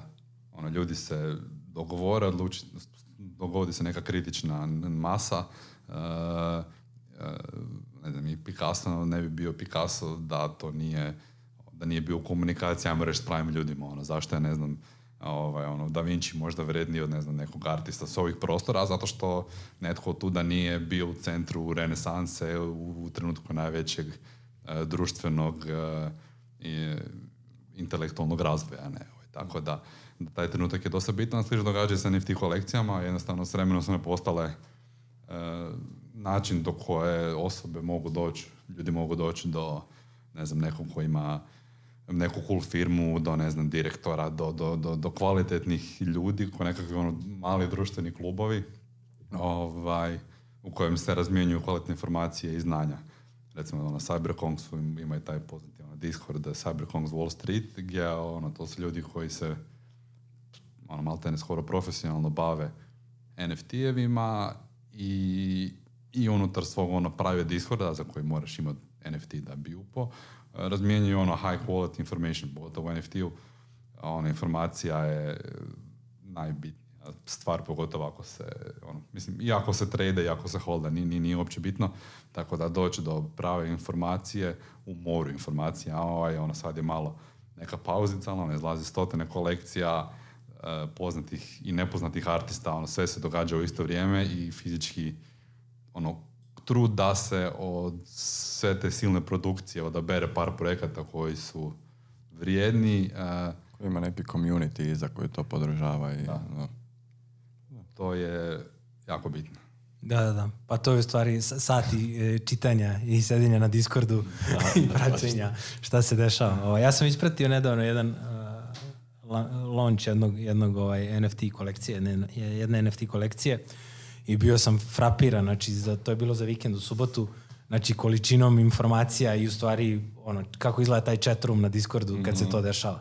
to krene, ja mislim, ono, to je jedno tim ljudi koji sedi u tom trenutku, ne odlazi u WC da, da. i samo odgovara na svaki minut, na svako pitanje. Ovaj, baš sam bio oduševljen, rekao, svaka čast za ono, da, mi smo isto sad na putu to gdje ćemo naći ljude koji će 24-7 sjediti na Discordu. I, da, da, da, da, da, zapošljavamo community menadžere i artiste također, ovaj, javite nas na Twitteru i Discordu i ostalo. Ovaj, jedan razlog zašto lagano sad pokrećemo Discord zbog toga što proizvodnja, imamo klasični NFT projekt sa svom silinom posla, a uistinu imamo 90% posla na naručivanje printera, materijala, prostor, modeling. Da, trenutno je napraviti skulpturu najmanji, najmanji problem što da, se pa stoji. to najbolje znate. Da se to uopće zarola, da, da krene. Ova, jeste, jeste, da, definitivno slažem se oko toga. Ovaj, mislim da je to i bitno i da ljudi da shvate. Obično se ljudi koji nemaju neko ovaj, predznanje i uopšte nemaju kontekst kako su NFT-evi nastali i koja je tu tehnologija iza, onda ne vide taj deo ovaj, te mogućnosti decentralizovanog, a, decentralizovane razmene šta god, vrednosti, digitalni da. identitet oko kojih ljudi mogu da se grupišu, ovaj, što je definitivno ono što najviše vrednosti donosi. I onda se oni gledaju samo tu sliku koja predstavlja taj NFT i onda im nije jasno uopšte da li je moguće da su tolike cene u krajnjem slučaju ili da je tolika pompa oko toga. Da. Tu bi se isto sam nadovezao, ono, velika je razlika, ovaj, ja sam isto zapravo dosta dugo odgađu ulazak više u svijet NFT-a, kao bilo mi kripto je bio cool, DeFi proučavaš to, projekt i tako dalje, ali prvo NFT je stvarno sto put zanimljiviji, jer ono gledaš što je meni bliže, ovaj, dolazim iz relativno umjetničkog svijeta, ono, iz književnosti s jedne strane i sociologije s druge strane, ovaj, jednostavno puno ljepše, zanimljivije biti u kontaktu sa umjetnicima, gledati slike, projekte, šta ljudi rade ovaj, eh, digitalno i fizičko, tako da... Da, definitivno, da. Makar mi je jasno zake ljudi, mislim ja isto zapravo. Šta sam, kad smo zapravo krenuli u tu priču, sam ušao uopće u to neku ideju NFT-a isto pojma nisam isto mi je bilo kak to dođe te masne novce, ali to je to, to je to kad ljudi ovoga ne znaju što sve stoji za toga. I to je zapravo kad se krene, ako o tome ja sam kao krenuo sam ću po YouTube, to je, ma to je ruphole, to čovjek ako nema tim koji će možda na kraju kraja mu objasniti, ma ja bi to do sljedeće godine mogu srčati, YouTube-at, čitat. Jeste, jeste, da. Baš je... apsolutno cijeli ono, krug toga svega, to baš treba. Kompleksni su ovaj koncepti, ono, da kreneš i od pa prvo Bitcoina, pa sve dalje da, od toga. Da. Ovaj, da, da, kripto skužiti da bi ušao u... Da. da, ali dobra stvar je, sad mi je palo na pamet kad si spomenuo, to na primjer mi osjećamo jer smo mi, aj sa te tehničke strane, nešto duže ovaj, tu u industriji, I tačno se vidi sa dolaskom NFT-a kako je došla ovaj, velika masa novih ljudi iz raznih profesija uh, u industriju, što je odlična stvar. Znači, em što dobijaš veći publicitet, em što to što kažeš, dobijaš nove, neke, nove neka znanja, nove neka rešenja, Ovaj, I upravo je to ono neka velika stvar koji, koji je NFT doneo. Mi sad organizujemo, ovaj, zato, zato ste i, i pretpostavljam između ostalog i došli ovde u, u Beograd, tu, taj jedan event sutra, a, koji je kako stvari stoje, najverovatnije bit će prepun uh, upravo iz tog razloga što NFT je, je povukao sve te ljude. Mi smo pre toga organizovali neke razne eventove u prethodnim godinama i to je bilo ono šačica programera koji je ono neko ko se tu zanima i to je to. Ovo je definitivno doprelo do, do veće mase. Da, Što je super. to. I, I ono, spojilo je art svijet i, i kripto svijet i dalo je ono fantastičnu platformu ono, umjetnicima, bilo kojim kreatorima ono, iz cijelog svijeta da monetariziraju eh, taj svoj rad. Ono, moja neka eh, teorija je da ono, Bitcoin stvorio, kripto stvorio, blockchain stvorio ideju eh, digitalne imovine, što je na razini čovječanstva revolucionarna ideja samo po sebi E, i on je sam pro, prošao kroz faze ono, e, libertarianizma do anarhizma, kriptoanarhizma, ovisno kako koja grupa ga je, je, je svojatala, e, spekulacije i tako dalje. Ovaj, je došao ne znam, Dogecoin koji je po- prije unio malo jeli, humora, unio je mim kulturu ovaj, u kripto e, i zato isto ima određenu naravno vrijednost ovaj. E, I onda je došao NFT koji je basically putem ono, tog šta putem snage avatara stvorio i Discorda stvorio je community. Znači svih tih silnih ljudi koji se ne znam, bavili kriptom imali su a, a, nula prijatelja u životu s kojim su mogli actually pričati o nečem. Stvorili ste ljudi koji su putem NFT-a postali dijelovi community-a a, koji se kasnije preljevali putem konferencija poput vaših i ostalih u, u stvarni svijet. Ne?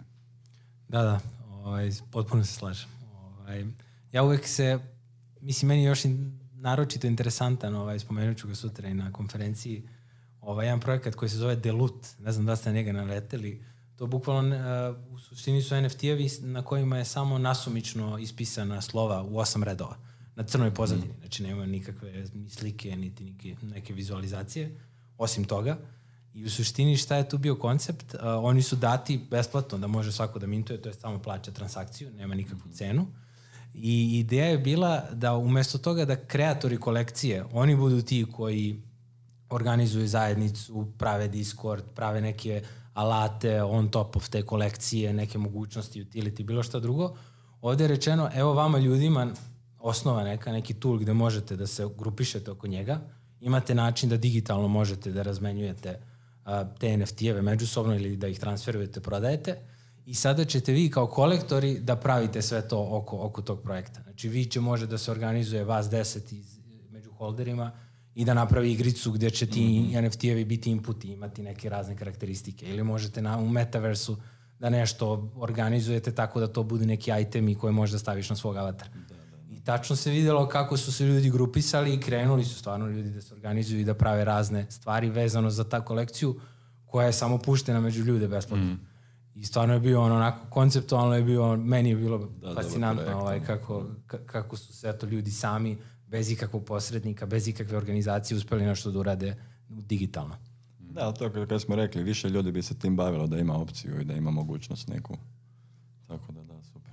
Da, to isto, spomenuo bi samo ovaj, da, strašan je moć i kreativnost community, a, ovaj, a to nekako mislim da izvire iz, iz tog trenutka i zašto je NFT moćan i dosta bitan, to što načelno nema nazad, ono kad, da se svi sjećaju ono prvog trenutka kad su uh, ili mintali ili kupili NFT negdje, ne OpenSea šta god, ovaj, i oni imaju taj neki čudni ono tingling feeling, ok, sad ja posjedujem tu žabu gljivu, uh, neki ovaj, generirani uh, algoritam kako god, ovaj, i ono, taj trenutak posjedovanja koji ti omogućava upade kroz nešto je, je nešto što, što je uh, onak revolucionarno samo po sebi, nakon čega, kažem, baš previše nazad, ne, tako da. Da, da, jest. To daje dodatno na važnosti svemu tome. Da, taj deo oko Ligla, ovaj, o tome smo i pričali nešto ranije, ovaj, je dosta interesantan kod NFT-eva. Videli smo da ovaj, bilo je dosta priče oko tome za neke kolekcije, da li imaju neke licence ili neke različite, pa se tu me, su se menjale stvari. Ovaj, tako da možemo malo tu da ispričamo ljudima Uh, šta u stvari, u stvari možda bi bilo zanimljivo, ja mogu da ispričam šta sam ja shvatio i šta sam dobio od nekih informacija, mada je to dosta sve u sivoj zoni i redko ko je ono stručan i zna tačno kako funkcionišu stvari. Uh, ali ja kako sam shvatio kada se izbaci kolekcija ili jedan NFT koji se mintuje ovaj, pojedinačan pa se ovaj stavi na prodaju, defaultno stanje je da faktički kupac koji kupuje taj NFT u suštini ne dobija malte ne ništa, nikakvo pravo uh, na taj NFT. Ovaj, suštinski sve to neregulisano. Ovaj, uh, znači, potencijalno on može da uzme taj NFT i da krene sa njim da, da radi nešto, da se izreklamira, da ga stavi kao logo svoje firme, šta god, u neke komercijalne svrhe da ga koristi, ali potencijalno onaj kreator tog sadržaja može da se žali i da ovaj, na kraju krajeva da ga tuži i da ovaj, da traži e, neki povrat sredstava zato što je to njegovo delo. Znači faktički ti kada kupiš NFT a, nigde u nikakvom pravnom Ne piše, obliku ne dobiješ ništa. Ova, e sada, tu postoji naravno opcija da onaj koji kreira NFT da može da menja e, tu licencu, to jest ono šta ti dobijaš kao, kao vlasnik. Pa tu postoje te neke razne, e, razne različite. Ovaj, tako da eto, to je ono kako sam ja shvatio. E, ne znam sad kako vi gledate na to, da li imate neke, neke odgovore ili možda ako sam nešto pogrešno rekao. Pa, evo, Ivore, mogu ti reći, ja sam shvatio dosta suprotno. Ajde. ovaj, meni se čini da je duh NFT prostora od početka ono da ljudi koji kupe NFT imaju apsolutno sva prava. Ne? I tako bi trebalo biti i ono, postoje kolekcije koje su komercijalnije, pa sad ovaj, oni zadržavaju neka prava, kako se to predstavlja, u kojem kontekstu i tako dalje, ovaj, ali prema mom shvaćanju je da načelno vlasnik NFT-a ima sva ili veliku većinu komercijalnih prava, kažem da od tih likova koristi za napraviti tenisice koje će prodavati, rentati ih sportskom klubu, rentati ih nekom da napravi neku animiranu seriju s njima, utilizirati ih na bilo koji e, način. Tako da, a kažem, tako je, smatram da bi tako trebalo biti, pošto duh je nekakve otvorenosti, e, a, a i do sad ne znam nikog da je neko tužio nekog da je koristi neki NFT, mislim i sam vidiš na Twitteru ono hrpa ljudi uzme nekog tuđeg board ape-a i koristi ga ono za skemanje za ovo, za ono, tako da ovaj, a i dosta je teško tužiti nekoga, nema nekog KYC-a, ne znaš kako imaš samo ono blockchain adresu koja, ili odnosno ni blockchain, samo Twitter profil kako je nešto ima, tako da ovaj, i to je zapravo isto sjajan kanal za, za širenje NFT-a, mislim, ono, u mainstream i za i neka osnova e, te ono, kreativne evolucije koja se zbiva da ljudi mogu raditi na temelju toga i zarađivati i raditi neke druge stvari. Mislim, to je dosta cool. Pa da, mo, moj utisak tu bio da ovaj, ti možeš to da uradiš i verovatno da, ni, nikakav proces se ne dešava zato što je more toga i redko ko se zanima i želi ovaj, da, da uđe u taj proces. Ali ja opet kako sam shvatio, ovaj, vrlo moguće da je pogrešno, da ti kao kreator kolekcije moraš da naglasniš ovaj, dozvoljavanje a, svih tih radnji ako hoćeš da to bude ovaj stvarno pravno ovaj da, pa da je. ima da ima pozadinu. Svaka kolekcija ima ono nekako terms and conditions da li se može koristiti svaka, da li se ne smije koristiti ovako. To jest, bi trebala imati barem, ne. To apsolutno. Da, da, pa sad je bio taj zanimljiv slučaj sa, sa ovaj uh, Yuga Labsom, to je ova ekipa što stoji iza Bored Ape-a, pa su oni kupili ovaj kolekciju CryptoPunka uh, sa 20, mislim, nekih punkova uh, i u suštini oni prvo što su uradili, to je promenili su licencu uh, kojom je ta kolekcija izbačena. Znači, bila je uh, sad ne znam tačno koji naziv, ali dali su ovaj holderima, to je vlasnicima sva komercijalna prava da mogu punkove mm. da koriste za, za, za većinu stvari kojih, kojih zanima. Ovaj, tako da, eto, da, mislim svakako je ceo taj uh, prostor neregulisan i još je ono gomilu tu pitanja. Meni je, na, primjer- prvo pitanje bilo uh, u tom nekom razgovoru sa jednim ovaj, pravnikom, da li to znači da ja mogu i nečiji drugi CryptoPunk da uzmem i njega da, to ne koristim? znači. A ne znači, da, ne znači, u stvari mogu samo, samo svoj. Ovaj, tako da, da, dosta je tu pitanja, zan- zanimljivo je, dosta je ne, još ovaj, otvorene stvari, ali dobro.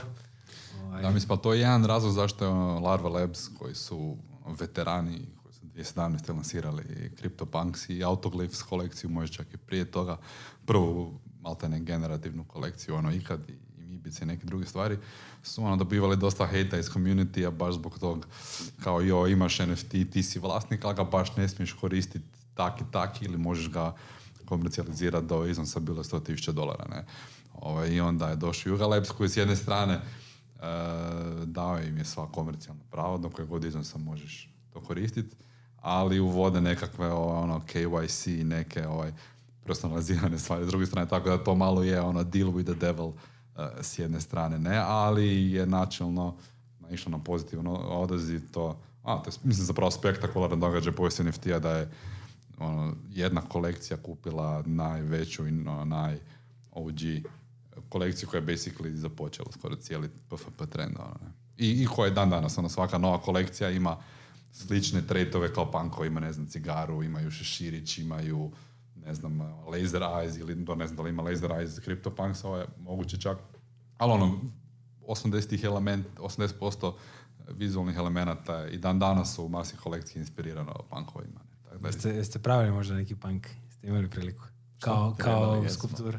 Je modelirali, u planu, ali ovoga... modelirali smo ih, nismo još radili skulpture, ali da, ono, svaka, svaka kolekcija je novi posao za sebe i s druge strane svaka skulptura je novi posao za sebe, jer ono, koristimo ne, različite materijale, različite tehnike printanja, onak je, ne znam, neka dio nekog board ape u metalu, mi bi željeli napraviti također u metalu i, i jako je ono to kreativno uh, zahtjevno, ali ispunjavajući proces ovaj koji nas veselimo, basically svako jutro brainstormamo ok, kako će to izgledati iz ovog kuta, kako možemo ovo, da li će to biti eh, DLP, da li će biti smole, printano, da li će biti ovak, možemo farbati rukom ili možda farbamo u printu, ovaj, eh, i to kažem, to nas zapravo full veseli.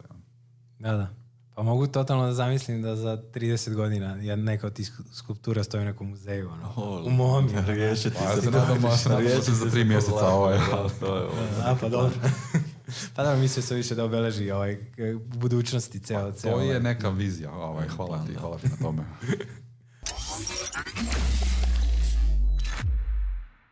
Uh, pomenuo si tokene, postoji termin koji je coin, koji nije isto što i token, postoje stable tokeni za ljude koji otprilike znaju da postoje neke kriptovalute i to je otprilike to. Mhm. Da li možeš da ono objasniš koja je razlika između, ne znam, tokena, coina i ono šta su to ti stable tokeni, coini, Mhm. uh, ono, koja je to razlika u odnosu na, ne znam, tra, tradicionalni Bitcoin koji je to postojao i sad od jedan put se pojavio neki uh, blockchain opšte namene sa potpuno novim konceptima. Mhm.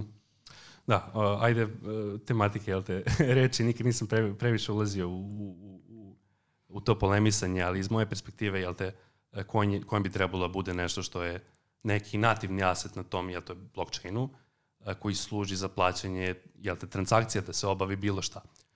Dakle, ajde se vratimo onda još korak nazad. Blockchain rešava, jel te, taj trenutak decentralizacije, tako što uvodi neki a, neku jel te, valutu sa kojom će zapravo bilo kakva operacija mora, mora, mora da se plati da bi se izvršila. Zašto? Pa iz jednostavnog razloga kada bi sve bilo apsolutno besplatno, prvo ja kao a, ne bi imao inciti- bilo kakvu incentivizaciju da koristim moj računar za neki node, Ovaj, a, a drugi razlog bi bio taj što odjednom to otvara je ogroman security breach da mreža može bude DDoS-ovana ovaj, praktično da stane da radi. Uh, I dakle, uh, za nativni, nativni jel te, coin bilo kojeg blockchaina služi za izvršavanje svih tih transakcija. Na Bitcoinu je to konkretno transfer novca, na Ethereumu će to biti izvršavanje bilo kakvog arbitrarnog koda. Ovaj, dok token, token je već malo više, viš, na, na višem aplikativnom jel te, nivou koncepta. Uh, tok, dakle, token, to je u, jel te, uglavnom su uh, ERC2, im, a uhvatit ćemo se, jel te, za fungible tokene, da bi poredili, zbog poređenja sa coinima. Oni su, jel te, napravljeni po nekom tom ERC20 standardu, to je, jel te, samo neki standard koji definiše kako će izgledati funkcije tog smart kontrakta. Šta to znači? To znači da je token najobičniji, jel te, smart kontrakt na nekoj blockchain mreži. Jasno. A šta je razlika između tokena i stable tokena?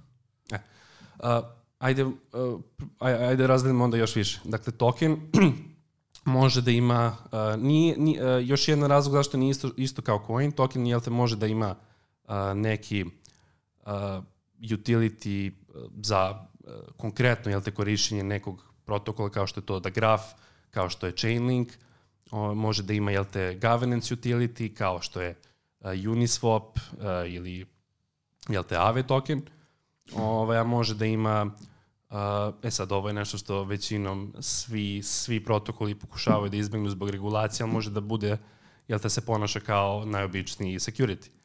Ovaj, gde je onda zapravo dosta slični, jel te nekom, to jest nije slični coinu, ali u, jel te iz financijske perspektive, pošto nema ni jedan drugi utility, tu, tu, on je jel te tu negde na početku. E, uh, dakle, stablovi, uh, stable tokeni.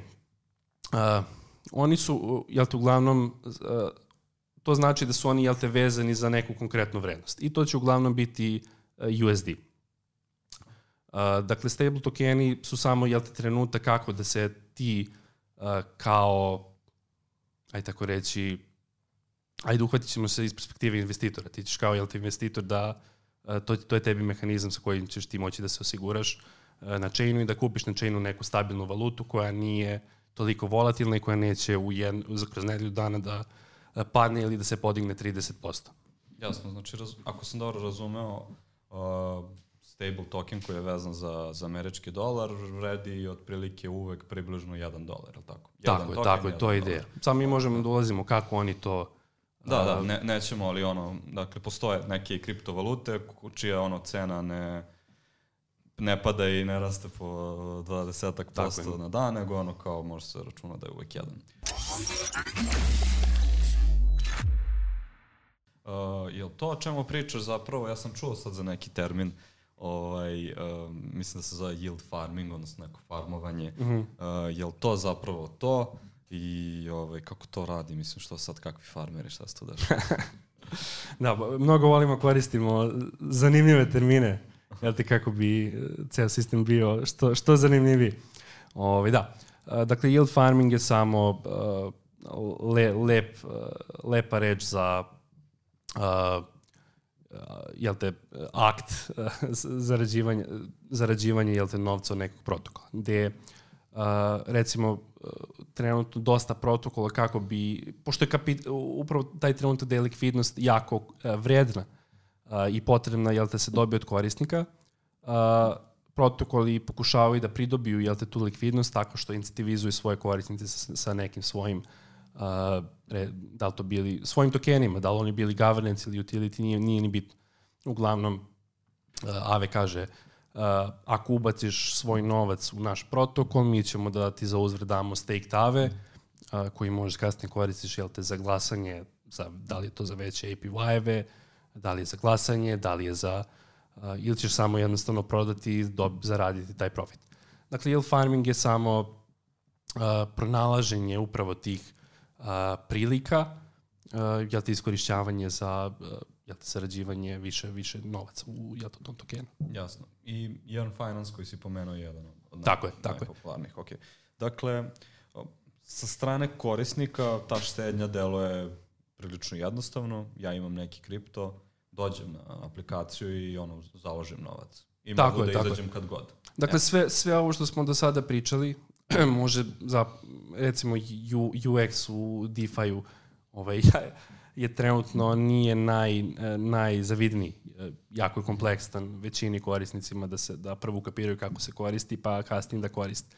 Tek, tek posle kad dođu, jel te, neki kompleksnije šeme, jel te, interakcije, uh, ubaci ovaj novac tamo, pa prebaci ga tamo, pa ni- nije ni bitno. Uglavnom, može jako, jako brzo da se zakomplikuje. Dakle, tu postoje razne strategije. Tako je, Jasno, tako je, jasno. tako je. Te strategije kako zaraditi novac mogu jako brzo da se zakomplikuju i sa strane jel te, samog uh, funnela gde ići i sa strane infrastrukturno kako recimo ako, ako leverageuješ svoj novac, jel te kako kako sprečiti jel te, likvidaciju, ka, ka, kako pratiti jel te, svoju poziciju da ne dođe do likvidacije usled jako volatilnog marketa. E, I ceo taj trenutak je, uh, jel te, menadžovanje može biti jako, uh, jel te, jako kompleksan i uh, težak uh, i mo, može lako da, da dođe, jel te, da, da se zebeš, tako reći. ovaj, e, I upravo uh, Jan Finance dozvoljava da ti kao neko uh, sa jel te, puno novca ko neće se baviti sa tim stvarima, da ti outsourcuješ neko, nekome. a da zadržiš, da zadržiš trenutak uh, decentralizacije da si ti vlasnik svog novca. Jer to je upravo čitav trenutak web, Web3 i DeFi. Ti menjaš, jel te, taj uh, komfor, uh, jel te, postaješ vlasnik svojih aseta, ali u razmenu moraš, jel te, budeš malo uh, jel te, angažovaniji oko toga ka, ka, kako, jel te, kako, kako da koristiš jel te, svoje asete i, i protokole. E, uh, Jan, jel te, dozvoljava to takođe na uh, decentralizovan način, gde opet ti možeš svoj novac, ne možeš da ga zaključavaš, u svakom trenutku možeš uh, jel da, da ga izvučeš, možeš da ga ubaciš uh, i jel te, transparentno da vidiš uh, koliko si ti zaradio, koliko je Jan zadržao, gde je taj novac išao i tako dalje i tako dalje. Razumeo sam, dakle, ono, ja kao korisnik mogu u teoriji da koristim raznorazne TDF protokole kako bih profitirao, ali je to izuzetno mučan i komplikovan posao. Zbog toga ja ono, ako želim da, to kažem, štedim, uh, dam svoje, svoje novčiće Jarnu, a Jarn ima ono u svojim pametnim kum- ugovorima set nekih strategija, algoritama i tako, Tako. dalje, kompleksnih algoritama koji će zapravo uh, da kažem, napraviti još Tako više je, tako je. novca e, i za njih i, i za nas, jel? Što, je- što je meni ono super stvar. I dakle, ja sam farmer, jel? Zato što žanjem, jel te, novac. Jel te, tako da, je. razumeo se. Zapravo dobra analogija. E sad, u, u moru svih tih događaja uh, desio se i Polygon Ignite, koji si ti Lazo spomenuo, i tu je lansiran uh, Polygon Supernets, jedan od najvažnijih poligonovih projekata, uh, ako ne najvažniji danas. Uh, pa ako možeš da nam kažeš malo detaljnije šta se sve tu dešavalo, šta zapravo Polygon Supernets predstavlja i koji, koji je neki plan za, za dalje razvoj kom, konkretno tog projekta. E, to za važnost e, projekta i, i proizvoda e, ne- nekako skromnost mi ne dozvoljava da klimnem glavom i kažem da. Da, da, da, dobro. Ali nije da nije. da, da. postoji, postoji mnogo stvarno ovaj, interesantnih rešenja koji se trenutno grade u sklopu poligonove organizacije. Nama je drago da smo jedna, jedan od tih rešenja i da postoje organizacije, ljudi, Web3 projekti kojima stvarno naše rešenje je pomoglo da se reše nekih problema sa kojima bi se inače susretali ovaj, eh, na, na, na eh, public mainnetovima L1. Uh, mi smo, mi radimo na Polygon Edge uh, blockchain klijentu koji je praktično uh, uh, glavni činilac recimo Ethereum mreže, Polygon mreže. Uh, uh, blockchain node software je upravo ono što čini jedan od jednog od učesnika u toj blockchain mreži. To je software na kome mi radimo. Uh, I kao takav Polygon Edge je napravljen sa par sa par dizajn uh, odluka koji trebaju da učine uh, uh, mreže sagrađene putem Polygon Edge-a jako performantnim, da možeš da praviš veliki broj transakcija, da možeš lako da podigneš svoju mrežu i da praktično, pošto postoje različite vrste mreža, postoje različiti, različite vrste konsensusnih mehanizama, različita podešavanja istih, različite topologije tih mreža samim time, ovaj, da, li je, da li neko želi mrežu koja samo radi na njegovom cloud akauntu ili neko želi zapravo globalnu distribuiranu mrežu ili neko ima compliance pravila koga spreče, sprečavaju da, da radi na taj način. Sve to mi gledamo kroz Polygon Edge da učinimo mogućim kroz konfiguraciju. Ne kroz to da ti uzmeš i skopiraš kod, uradiš izmene i kažeš super ovo radi. Možeš apsolutno to po, po, po open source licenciji koju koristimo uradiš, međutim poenta je upravo da ti mi pružimo sve konfigurabilne parametre koji ti omogućavaju da fituješ to svom use case-u. I mi u ovom trenutku imamo preko 35, to je cifra koju već duže vreme ponavljam, sigurno je već bajet, sigurno je veća cifra.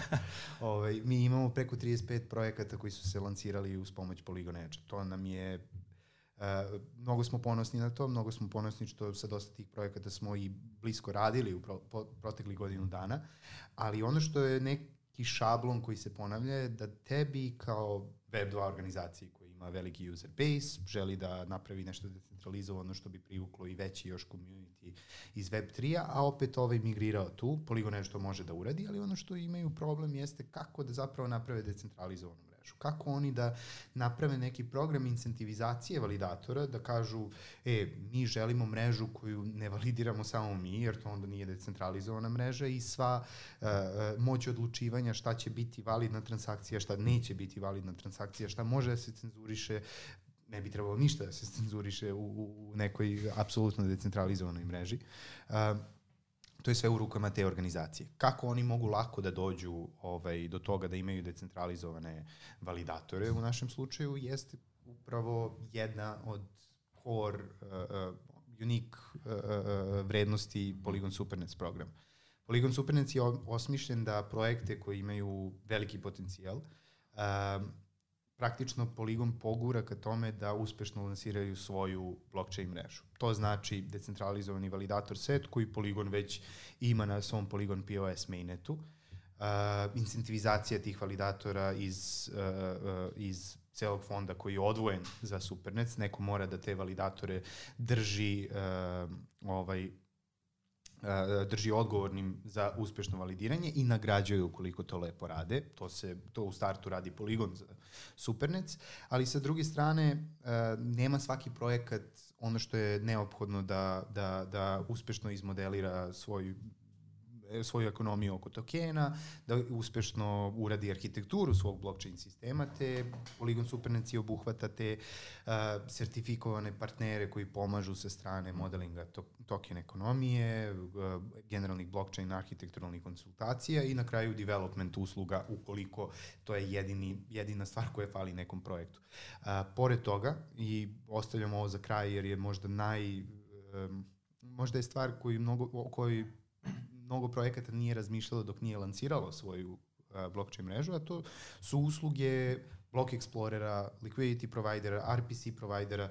To su sve neki prateći servisi uh, koji svi korisnici popularnih mainnetova danas uh, imaju na raspolaganju. Ako želiš da proveriš transakciju, otvorit ćeš Polygon Scan, Etherscan, otvorit ćeš pregrš tih Block Explorera, to je nešto što ti kao nova L1 mreža nemaš. Zato Poligon uh, uh, zajedno sa nama želi da prenese ta strateška partnerstva i da ih ponudi novim uh, projektima koji žele da grade svoje mreže putem Poligon Superneta. Tako da ti kao nova mreža od prvog dana možeš da imaš ceo niz uh, uh, tih pratećih servisa koji će omogućiti da ljudi zapravo koriste tvoju mrežu. Jer ti ako podigneš novu mrežu, šta ti imaš? Samo samo blockchain. Nemaš block explorer da daš korisnicima, nemaš bridging rešenja, nemaš likvidi, likvidnost na toj mreži nikako, a postoje partneri trenutno poligona koji se isključivo bave tim segmentima koji su vrlo rado da pomognu da bi sutra imali nove mušterije. I to je nama cilj sa Supernecima, da omogućimo ulaz u tu multi-chain budućnost što više projekata. Uh, za kraj, koji bi vam bio neki glavni take-away sa Dev Connecta? Jedna stvar ili više, kako god. Za mene je definitivno to, ovaj, uh, mislim da je industrija videla šta leži iza uh, endgame-a, za one koji definišu endgame kao postojanje potpuno verifiable Turing complete virtualne mašine, da li je to ZK EVM ili nešto drugo. Uh, već se vidi šta stoji iza ugla, to mi je jako uzbudljivo. Modularni blockchainovi koji favorizuju, koji uspevaju da skaliraju time što su razdvojili u potpunosti egzekuciju od transaction orderinga i, i, i persistencije svega toga. Mislim da neki jako lepi projekti, čak i pod poligonovim, ovaj, čak i u poligonovom ekosistemu postoje jako pametni ljudi koji rade na upravo tim problemima. Uh, nekako lepo je videti da ne postoji neka finalna tačka, pošto romantizovali su ljudi, romantizovali Aha. su ljudi upravo to da postoji tačka koju ako rešimo to je to. Blockchain postaje sve kraj, možemo svi samo da se bavimo razva, razvijenjem aplikacija za blockchain, a ne usavršavanjem infrastrukture. Mislim da je jako lepo videti ovaj nove putanje koje se otvaraju, duh vremena koji sada postoji Web3 se jako brzo kreće, taj duh vremena traje četiri meseca i nešto drugo postane popularno, tako da je jako lepo videti da to postaju neke stvari koje mogu da otvore nove use case-eve, nove, nove vrste aplikacija i na kraju krajeva da stvarno dovedu do, do mass adoption. Jako interesantne stvari. Mm -hmm. Aleksa, za tebe? Da, ono, ja nisam očekivao da će ovo da priča. Ovaj, meni je najveći utisak ostavilo... Šta napriča ovaj čovjek? ovaj, meni je generalno sa cele konferencije najveći utisak koliko su ljudi u Web3-u spremni da dijele svoje znanje i koliko Mhm. ima mladih ljudi koji su ozbiljno zagriženi za cijelu ovu tehnologiju i koliko ne postoji limit šta sve ovde sve može se napraviti. Gde god neko pomisli kao je to je to, sad ponavljam što je on rekao, koliko, kako se zove, su ljudi uspeli da prevaziću to i naprave nešto bolje. I koliko generalno ceo taj community je trenutno jak u ovom, u ovom Web3 svetu. Ja bih imao neka dva take away Prvi mi je, uh, znate ono kad ste na Twitteru i onda pratite šta pišu uticajni ljudi u, u zajednici i onda zamišljate, pošto uglavnom imaju NFT-eve kao profile picture, i onda vi zamišljate te ljude kao ono, ludilo, neke baje, iskusni tamo vamo, i onda dođete na konferenciju i vidite da je to neko od 19 godina, 20 godina kao, brate, da li je moguće? A, a drugi takeaway mi je, na konto tvoje priče, da ima mnogo mladih ljudi koji, koji su u ovome, koji zapravo rade neverovatne stvari sa svojih 19-20 godina. A drugi takeaway mi je taj, ono što smo pričali na početku, a, jeste da je za generalno ovakav tip događaja, naročito kad je blockchain week u pitanju, a, jako važno da, da se izdvoji bar pola dana pre početka, da se prođe kroz sve evente i da se osoba pripremi hoću da posetim ovo, hoću da posetim ovo, hoću da posetim ovo. I prosto da koliko toliko organizuje svoj dan i onda je mnogo lakše da se, da se pregura cela ta nedelja. Uh, u suprotnom može da postane jako konfuzno i jako iscrpljujuće. Naročito kad se, kad se vratimo, mislim znamo svi kad smo se vratili, meni je trebalo par dana da se oporavim od, od uh, cele nedelje.